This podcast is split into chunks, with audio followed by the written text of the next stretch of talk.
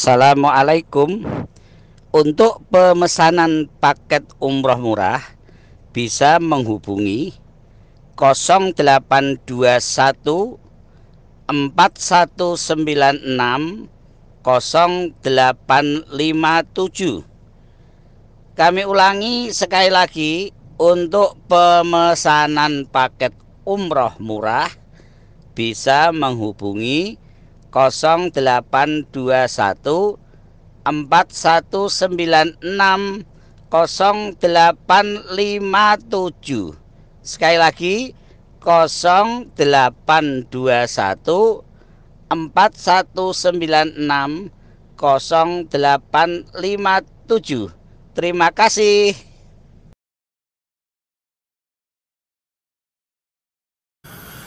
Melanjutkan bahasan masalah surga dan kita masuk ke pasal 22 tentang masalah pasar ahli surga. Dan kita tahu Bapak Ibu sekalian bahwasanya salah satu hiburan manusia di dunia adalah pasar. Karena mereka pada saat ke pasar melihat sesuatu yang menyenangkan hati mereka, membeli kebutuhan-kebutuhan bertemu dengan orang-orang mungkin yang dia ingin temui atau bahkan mendapatkan pengalaman-pengalaman baru, suasana baru dan seterusnya. Banyak fasilitas-fasilitas yang di dunia yang sebenarnya Allah Subhanahu wa taala juga memberikannya di akhirat. Sebagaimana kita tahu di surga ada makanan, ada pakaian, ada tempat tinggal. Hanya saja kondisinya berbeda. Situasinya berbeda. Seperti misal kasus pakaian yang pernah kita jelaskan dulu, berbeda sekali. Pakaian ahli surga itu akan diletakkan oleh Allah yang maha tinggi dan maha pemurah di sebuah pohon yang pohon itu memiliki buah yang sebesar e, bentuk seperti delima tapi sangat besar. Kalau ahli surga ingin menggunakan baju atau mengganti baju mereka, maka secara otomatis pohon itu akan mendekat, terbuka, kemudian di dalamnya ada 70 gaun dengan 70 warna, dengan 70 model yang dia tinggal ingin dalam hatinya jenis tertentu atau warna tertentu maka tiba-tiba terkenakan di badannya tanpa lagi harus dia buka, dia pasang, nggak ada lagi seperti itu. Jadi ada pakaian sebagaimana kata dunia tapi berbeda sisi kualitas ya. Terus metode caranya, situasinya berbeda semuanya. Dan pada saat pohon itu tertutup. Ya semacam tanda kutip lemarinya ahli surga itu tertutup karena dia sudah memilih gaunnya. Kemudian dia ingin mengganti pada waktu yang seketika setelahnya mendekat lagi tempat tersebut pada saat dibuka berubah lagi 70 gaun tapi beda warna beda model semuanya berbeda. Jadi setiap saat dan itu khalidina fiha kekal di dalamnya. Nggak ada lagi batas waktu Bahkan dalam hadis dikatakan Nabi SAW bersabda pakaian mereka tidak akan usang. Jadi walaupun baju itu kita pakai terus berhari-hari, bertahun-tahun pun kalau hitungan dunia kita bahasakan tahun di akhirat tentu tidak lagi hitungan waktu seperti ini. Dimensi waktunya berbeda gitu. Maka secara otomatis ya, tidak akan usang. Apalagi kalau diganti dan setiap saat makanan ahli surga sudah kita jelaskan panjang lebar buah ada nama-nama seperti buah lima, buah kurma, buah anggur di dunia ada. Tapi ini cuma sama dari sisi nama, bentuk, rasa berbeda semuanya. Kurmahnya besarnya seperti tempayan. Sebesar apa pun mungkin sekarang kalau kita lihat kurma paling besar mungkin ambar. Itu seperti jari telunjuk seseorang di antara kita gitu kan. Ya mungkin digabungin dua jari telunjuk itu maksimal. Nggak ada kurma yang lebih besar daripada itu. Tapi di akhirat satu buah kurma seperti tempayan. Yang dia makan bukan karena lapar, tapi dia sedang menikmatinya. Dia akan berhenti kalau dia ingin pindah ke kegiatan lain atau ke makanan lain. Nggak ada kenyang, nggak ada lapar. Sudah kita jelaskan masalah itu. Buah-buah anggur yang sangat besar dan tidak pernah habis. Buah di surga kalau dipetik keluar lagi, dipetik keluar lagi, nggak pernah habis.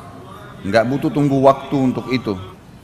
Tidak butuh tunggu waktu untuk supaya bisa tumbuh lagi. Bahkan ada hadis yang disebutkan oleh Nabi Shallallahu Alaihi Wasallam nanti ada orang di surga meminta kepada Allah agar bercocok tanam. Dia mau cocok tanam. Kata Nabi SAW, Allah berfirman padanya, Bukankah semua fasilitas sudah ada padamu? Semua pohon-pohon, semua jenis buah-buahan ada, bahkan di surga ada yang tidak mungkin ada di dunia. Jenis buah-buahan yang tidak bisa dibayangkan karena semua di surga tidak pernah mata lihat, tidak pernah telinga dengar, tidak pernah terlihat dalam hati manusia. Sebagaimana dalam hadis disebutkan. Lalu kemudian Nabi SAW mengatakan kepadanya, kepada kita semuanya, orang ini berkata kepada Allah, ya Allah tapi saya ingin, jiwa saya ingin sekali punya pohon-pohonan. Maka Allah subhanahu wa ta'ala memberikan kepadanya bibit, bib, e, sebuah biji, yang biji itu ditanam oleh dia di, di tanah surga, kemudian tiba-tiba tumbuh menjadi pohon yang besar, tiba-tiba berbuah pada waktu itu juga. Sampai Nabi SAW sempat tersenyum pada saat itu karena luar biasanya fasilitas di surga. Tidak butuh tunggu waktu, ditanamkan bibit tersebut, kemudian tiba-tiba jadi pohon besar, tiba-tiba berbuah dan tiba-tiba dinikmatin sama dia. Ada seorang Arab Badui hadir di majelis Nabi SAW berkata, Ya Rasulullah, pasti itu orang Ansar. Itu orang yang minta sama Allah, itu orang Ansar.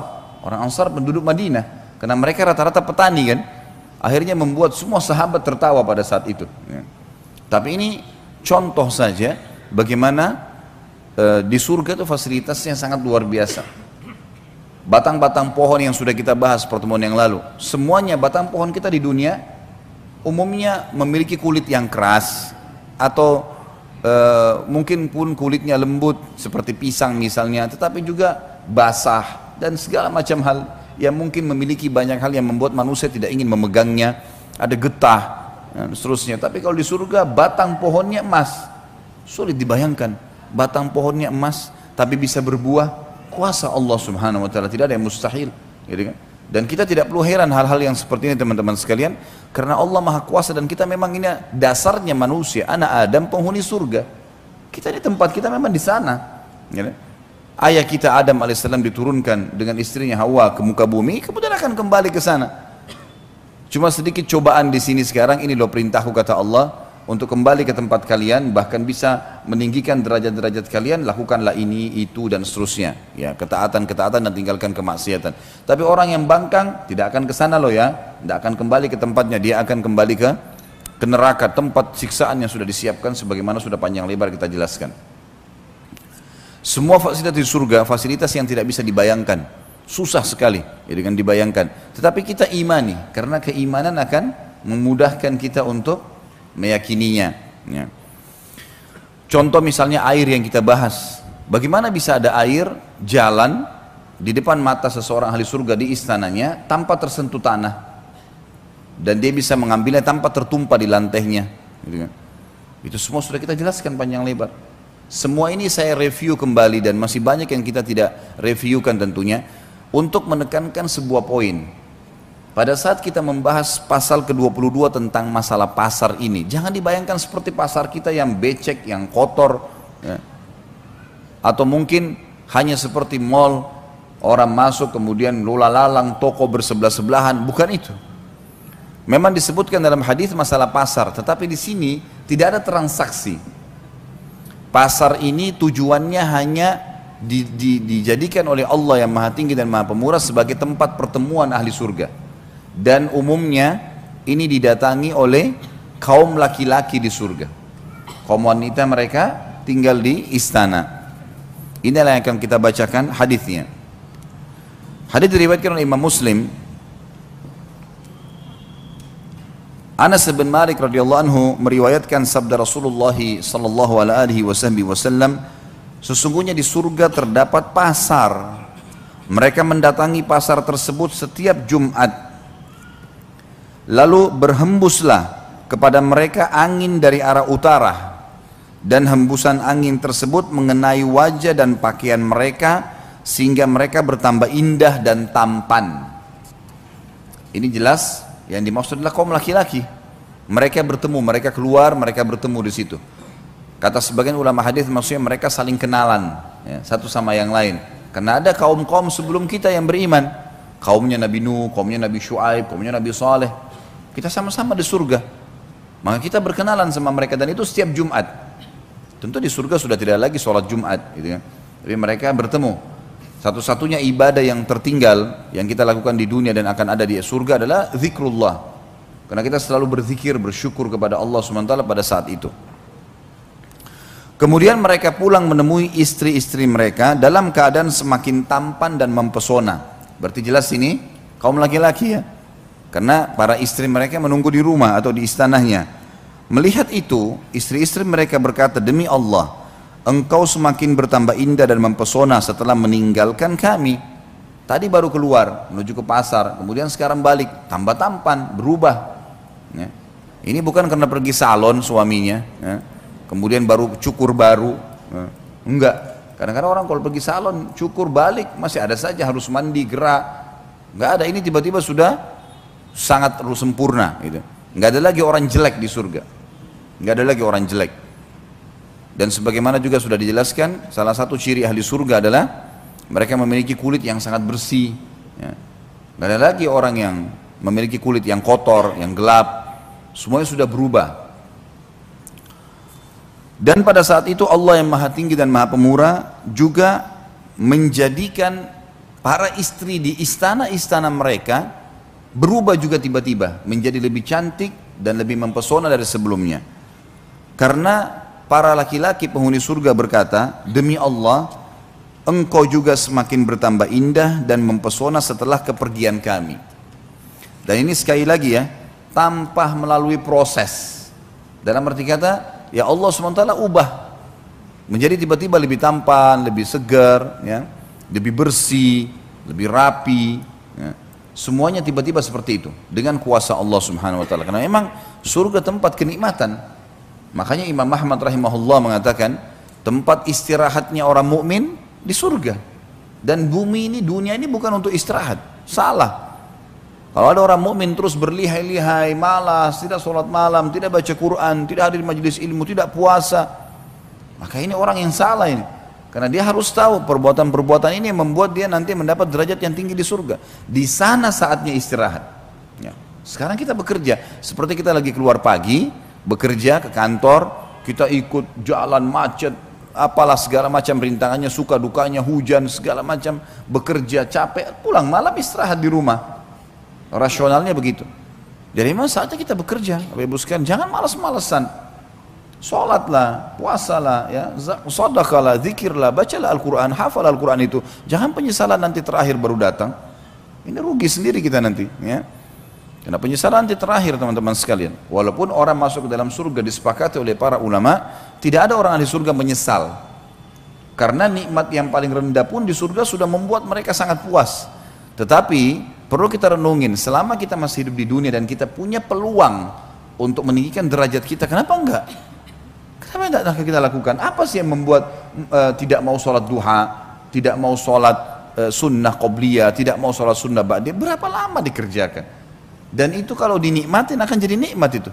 Sampai Nabi SAW mengatakan dalam hadis Inna ila qurratu aini fi salat. Allah telah menjadikan kenikmatan hidupku di sholat. Di atas skalanya sholat bagi dia. Sallallahu Alaihi Wasallam dan kita pengikutnya harusnya kita mencontohi beliau. Sholat itu nikmatin Bapak Ibu sekalian dari takbir Allahu Akbar tenang, baca iftitahnya pelan, al-fatihah pelan. Jadikan betul-betul sebuah pertemuan mulia antara kita dengan Sang Pencipta Allah. Tanda kutip di sini. Karena kita kita komunikasi dengan Allah Subhanahu Wa Taala dengan sholat gitu kan. Karena sholat itu memang doa. Ya, orang seseorang sedang menyampaikan, sedang komunikasi dengan Tuhannya. Dalam sebuah hadis sahih dikatakan kalau seorang hamba mengatakan Alhamdulillah Allah menjawab dari langit Habadani abdi hambaku memuji-muji saya. Memang ada respon. Kita kalau ruku kita mengatakan Subhana rabbiyal azim Maha suci Tuhanku yang maha agung. Sami Allahu liman hamida. Allah telah mendengar siapa pun yang memujinya. Rabbana walakal hamd Segala puji bagimu wahai Tuhan kami. Sujud Subhana rabbiyal ala Maha suci Tuhanku yang maha tinggi. Memang kita sedang komunikasi. Tahiyat at-tahiyatu lillah semua ucapan baik yang kami ucapkan untuk Allah. Jadi semuanya memang komunikasi seorang hamba dengan sang pencipta Allah, maka harus nikmatin. Ya.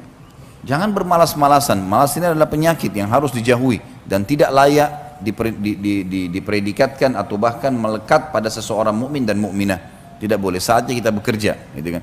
Nanti di surga akan ada balasan yang membuat kita puas. Kata Allah dalam Al-Quran, "Fala saufa yardha." Semua orang-orang yang berbuat ketaatan itu nanti dia akan ridho, dia akan luar biasa puas. Bahkan ya, mereka berharap kalau bisa kembali ke dunia supaya mereka mengulangi amal-amal soleh dan memaksimalkannya. Ya, kemudian mereka barulah mereka meninggal dunia.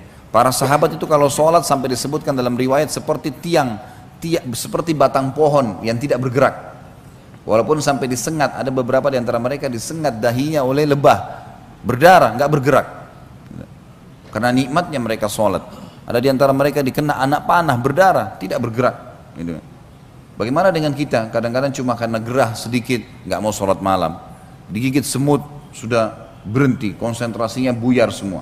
Gitu kan. Yang lebih besar anda atau semut? Hah? Lebih besar kita kan? Digigit ia sakit, ya sabarlah. Gitu. Kecuali kalau kita lagi tidak sholat. Gitu. Kalau lagi tidak sholat mungkin lain. Kita bisa memindahkan dia, tapi kalau lagi sholat, terus kemudian gara-gara itu setan tunggangi satu ekor semut untuk supaya kita tidak khusyuk sampai salam ini bagaimana? Kehilangan banyak pahala, gitu kan? Makanya semua tempat, lokasi kita sholat memang sudah dibersihkan, diamankan, kemudian baru kita sholat. Karena termasuk tambahan dan adab dalam bab sholat, kalau seseorang itu memperindah dan e, menambah kenyamanan tempat-tempat ibadahnya, sejadahnya sudah bersih, mukunanya sudah bersih, uh, sudah dibubui minyak wangi, kemudian uh, segala macam hal yang merupakan masuk dalam bab adab itu nanti akan kita bahas insya Allah setelah selesai karena bahasan kita tentang surga hari ini selesai ya. Insya Allah pertemuan akan datang kita akan masuk ke, kembali ke kitab Minhajil Muslim. Kita akan lanjutkan bahasan kita karena ini sebenarnya bahasan buku Rasulullah SAW cerita surga dan neraka ini pelengkap dari bahasan minhajil muslim. Pada saat kita bahas tanda-tanda hari kiamat mahsyar eh, apa namanya juga tentang kematian dan nikmat dan azab kubur di minhajil muslim tidak disebutkan surga dan neraka. Makanya kita pindah ke buku ini. Dan ini pasal terakhir kita dalam masalah surga dan neraka ini. Dan saya tetap berharap Bapak Ibu sekalian buku ini harus selalu dijadikan sebagai rujukan untuk dibaca. Bukan hanya pada saat kita taklim saja sebelum tidur review lagi kembali baca tentang neraka atau merasa futur. Futur itu kayak orang yang lemah lagi imannya. Buka buku ini, baca tentang neraka, baca tentang surga, janji-janji Allah itu sangat bagus ya. Sangat bagus, sangat membantu kita sebenarnya untuk uh, apa namanya kembali mengingat akhirat. Karena beriman tentang akhirat ini sangat besar manfaatnya. Luar biasa. Orang kalau mendahulukan akhirat dan selalu tahu kalau akan ada alam akhirat sana dia dan dia buka matanya sehingga melihat realita memang dunia akan kita tinggalkan. Karena sehebat apa pun seseorang sekuat apa pun fisiknya sesehat apa pun dia setinggi apa pun jabatannya tetap mati gitu.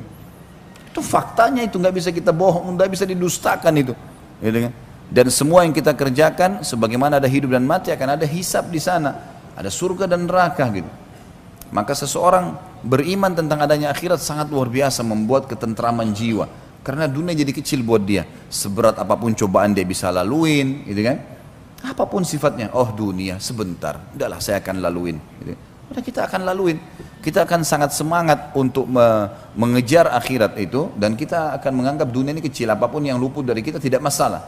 Tidak ada sesuatu yang masalah. Sampai para ulama salaf anggota tubuhnya pun dipotong, bagi dia kecil. Karena ini tidak akan abadi kok. Dunia dia mati nanti dikasih jasad yang baru di akhirat. Jadi orang beriman sangat luar biasa. Kenapa para sahabat bersemangat untuk pergi jihad? Padahal bisa dicincang badannya, bisa ditusuk, bisa segala macam. Karena dia tahu. Dia sangat yakin kalau ditusuk nanti saya akan menuju kepada kehidupan abadi itu. Dan semua yang dijanjikan ini pasti ada. Inna Allah la yukhliful mi'ad. Allah nggak bakal mungkin pungkiri janjinya. Gitu kan? Uman asdaqu minallahi qila. Siapa yang lebih jujur daripada Allah dalam penyampaian? Nggak mungkin salah. Nggak mungkin salah. Dan sudah pernah saya bilang, ketaatan-ketaatan yang kita lakukan Bapak Ibu sekalian hanya kita lakukan dengan menikmatinya dan sabar sebentar. Mati masuk surga. Maksiat tidak usah dikerjakan. Nggak ada manfaatnya buat kita sama sekali. Dibenci sama Allah, dibenci oleh oleh manusia, efek jerahnya besar. Lalu untuk apa?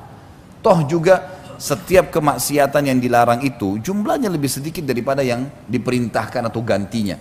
Kalau Allah haramkan Misal daging hewan tidak boleh dimakan semuanya jenis hewan. Allah ciptakan miliaran hewan. Lalu Allah berikan kita hawa nafsu mau makan daging.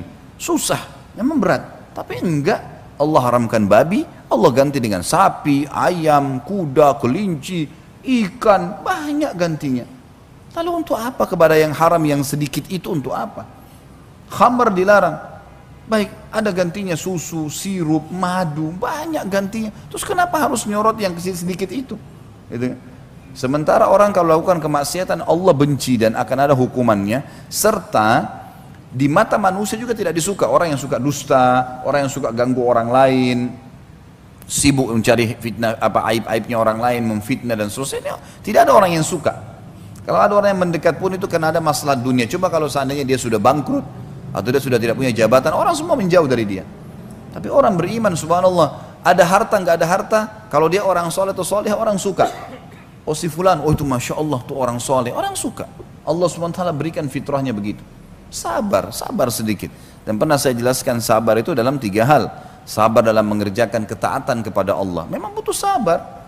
Hadir majelis ilmu duduk dua jam, tiga jam, sabar memang. Tapi efeknya kan besar. Gitu kan? Kita puasa, sabar. 14 jam gak makan dan minum. Sabar. Tahan, sabar. Kemudian kita sholat malam, sabar. Memang ngantuk, tapi bangun. Sholat. Azan ke masjid. Di rumah aja hujan, tapi sabar, jalan Sabar, nggak ada sesuatu yang rugi kok, gitu kan? Sama yang kedua, sabar terhadap meninggalkan maksiat. Ada penawaran, semua kita pasti terlintas dalam hidupnya, penawaran berzina, penawaran bohong, penawaran riba, penawaran buat nota palsu, banyak itu pasti. Karena syaitan, musuh kita selalu menawarkan itu kepada kita. Tinggal kita sabar, tolak, jangan mau. Selesai. Apa pun godaannya jangan mau, komitmen, jalan. Oh ini Allah haramkan saya nggak mau. Dan yang ketiga sabar dalam semua cobaan. Apa pun cobaan sehari-hari kita, sakit, gangguan orang, gibah, sudahlah, anggap itu sebagai warna kehidupan. Sudahlah, kita lagi jalan macet, ya sudahlah, jalan nanti akan jalan keluarnya ada kok. Kita ngoceh-ngoceh juga macet tetap nggak bisa berubah. Ya. Sabar saja, nanti kita akan dapat jalan keluarnya. Kan gitu. Lebih baik orang menikmatinya beda dengan orang yang tidak menikmatinya. Sudah, apa boleh hujan, ya sudah gerutu sampai ke rumahnya hujan, udah basah, ya, pikirannya jadi kalut, ya, memungkiri takdirnya Allah banyak masalahnya.